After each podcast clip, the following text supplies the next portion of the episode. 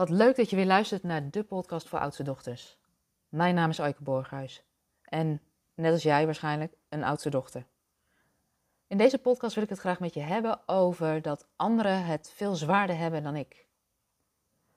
Wat ik de laatste tijd bij mijn klanten ontdek, en waar ik mezelf ook af en toe wel op betrap, is dat ik ze hoor zeggen: Ik zie om mij heen mensen die het veel zwaarder hebben dan ik. Je zult maar een horecabedrijf hebben of in de zorg werken. Ik heb niets te klagen, we zijn gezond en we hebben werk. Ik vind er op dit moment niet zoveel aan, maar dat gaat wel weer over. Ja, ik ben wat druk, maar er zijn anderen die het veel drukker hebben. Ik kan niet wat anders gaan doen, want er is al schaarste in mijn vakgebied. Ik kan de mensen niet in de steek laten. Dit zijn zomaar wat uitspraken van oudste dochters op leiderschapsposities en ondernemers om me heen. Wat ik in het werken met klanten de laatste tijd regelmatig merk, is dat ze het best pittig hebben. Het is ook niet niets. Al bijna twee jaar lang zitten we in een situatie die iedere keer weer flexibiliteit van ons vraagt.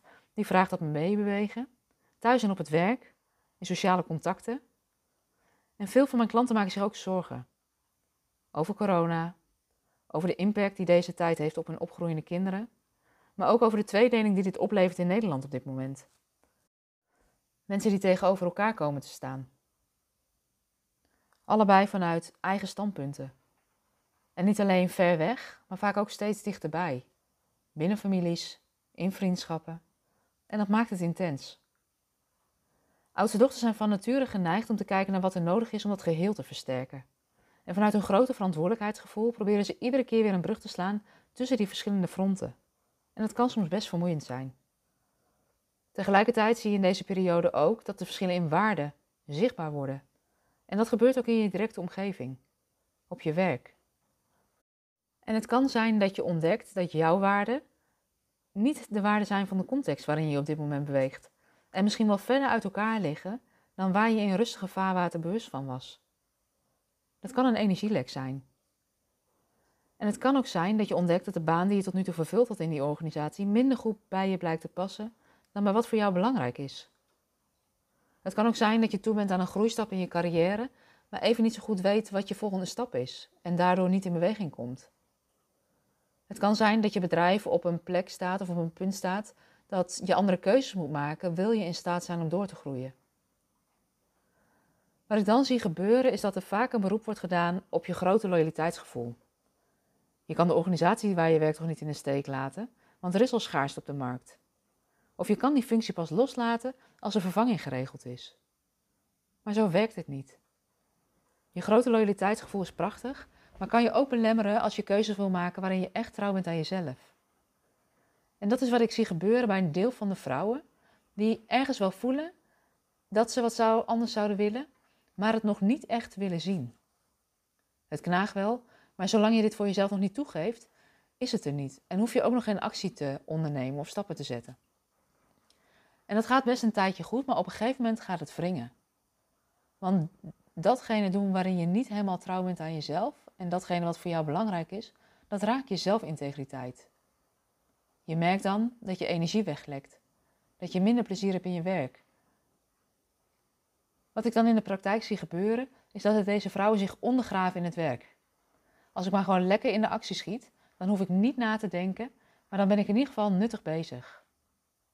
Het tegenovergestelde kan ook gebeuren als je al langer zo bezig bent. Je bent niet vooruit te branden. Je energie is op, je hebt weinig energie meer. En je hebt er ook een oordeel over, want je vindt wel van jezelf dat je nuttig bezig moet zijn.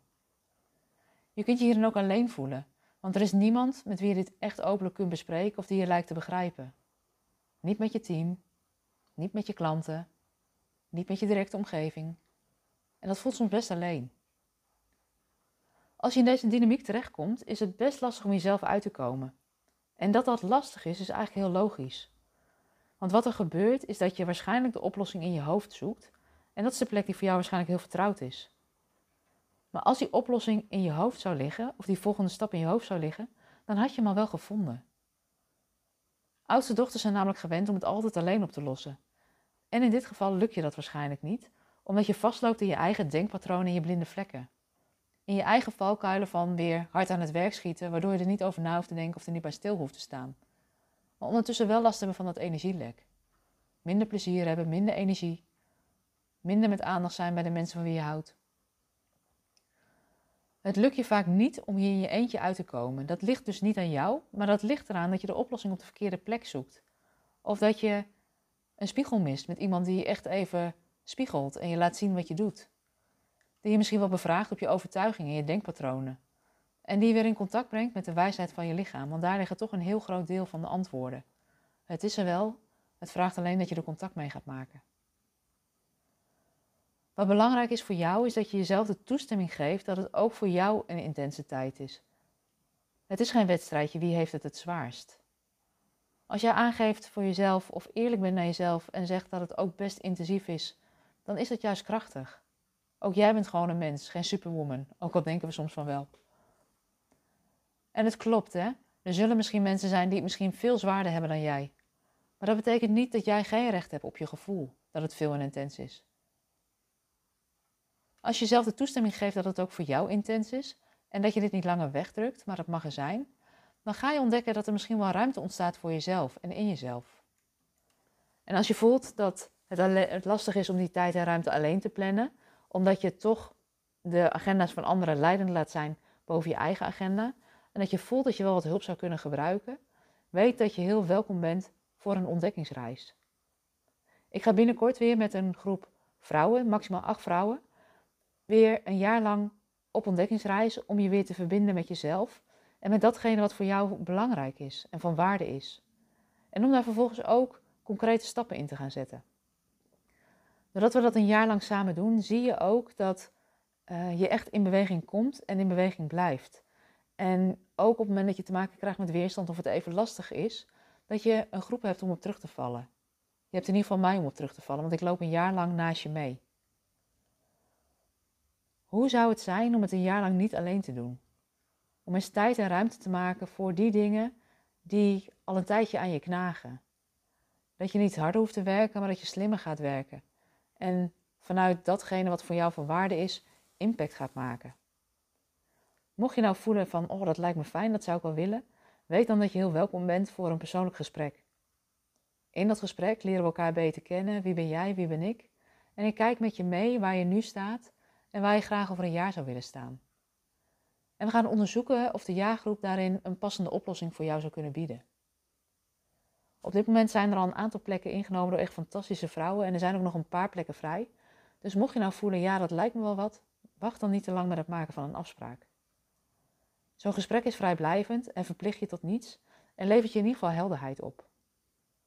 Ik zou het heel leuk vinden om je te ontmoeten, dus weet dat je welkom bent. Je kunt een afspraak met me maken door contact met me op te nemen via info.aikeborghuis.nl Ik neem dan weer contact met jou op en dan spreken we elkaar binnenkort. Ik kijk ernaar uit om je te ontmoeten. Verder wens ik je voor vandaag een hele fijne dag en gun jezelf ook het recht om ja, te voelen dat het af en toe gewoon best intens en zwaar is. Want dat is het gewoon. En ehm, als je dat toestaat, dan merk je dat het daarna al snel weer lichter voelt. Een fijne dag en uh, wie weet zien we elkaar snel.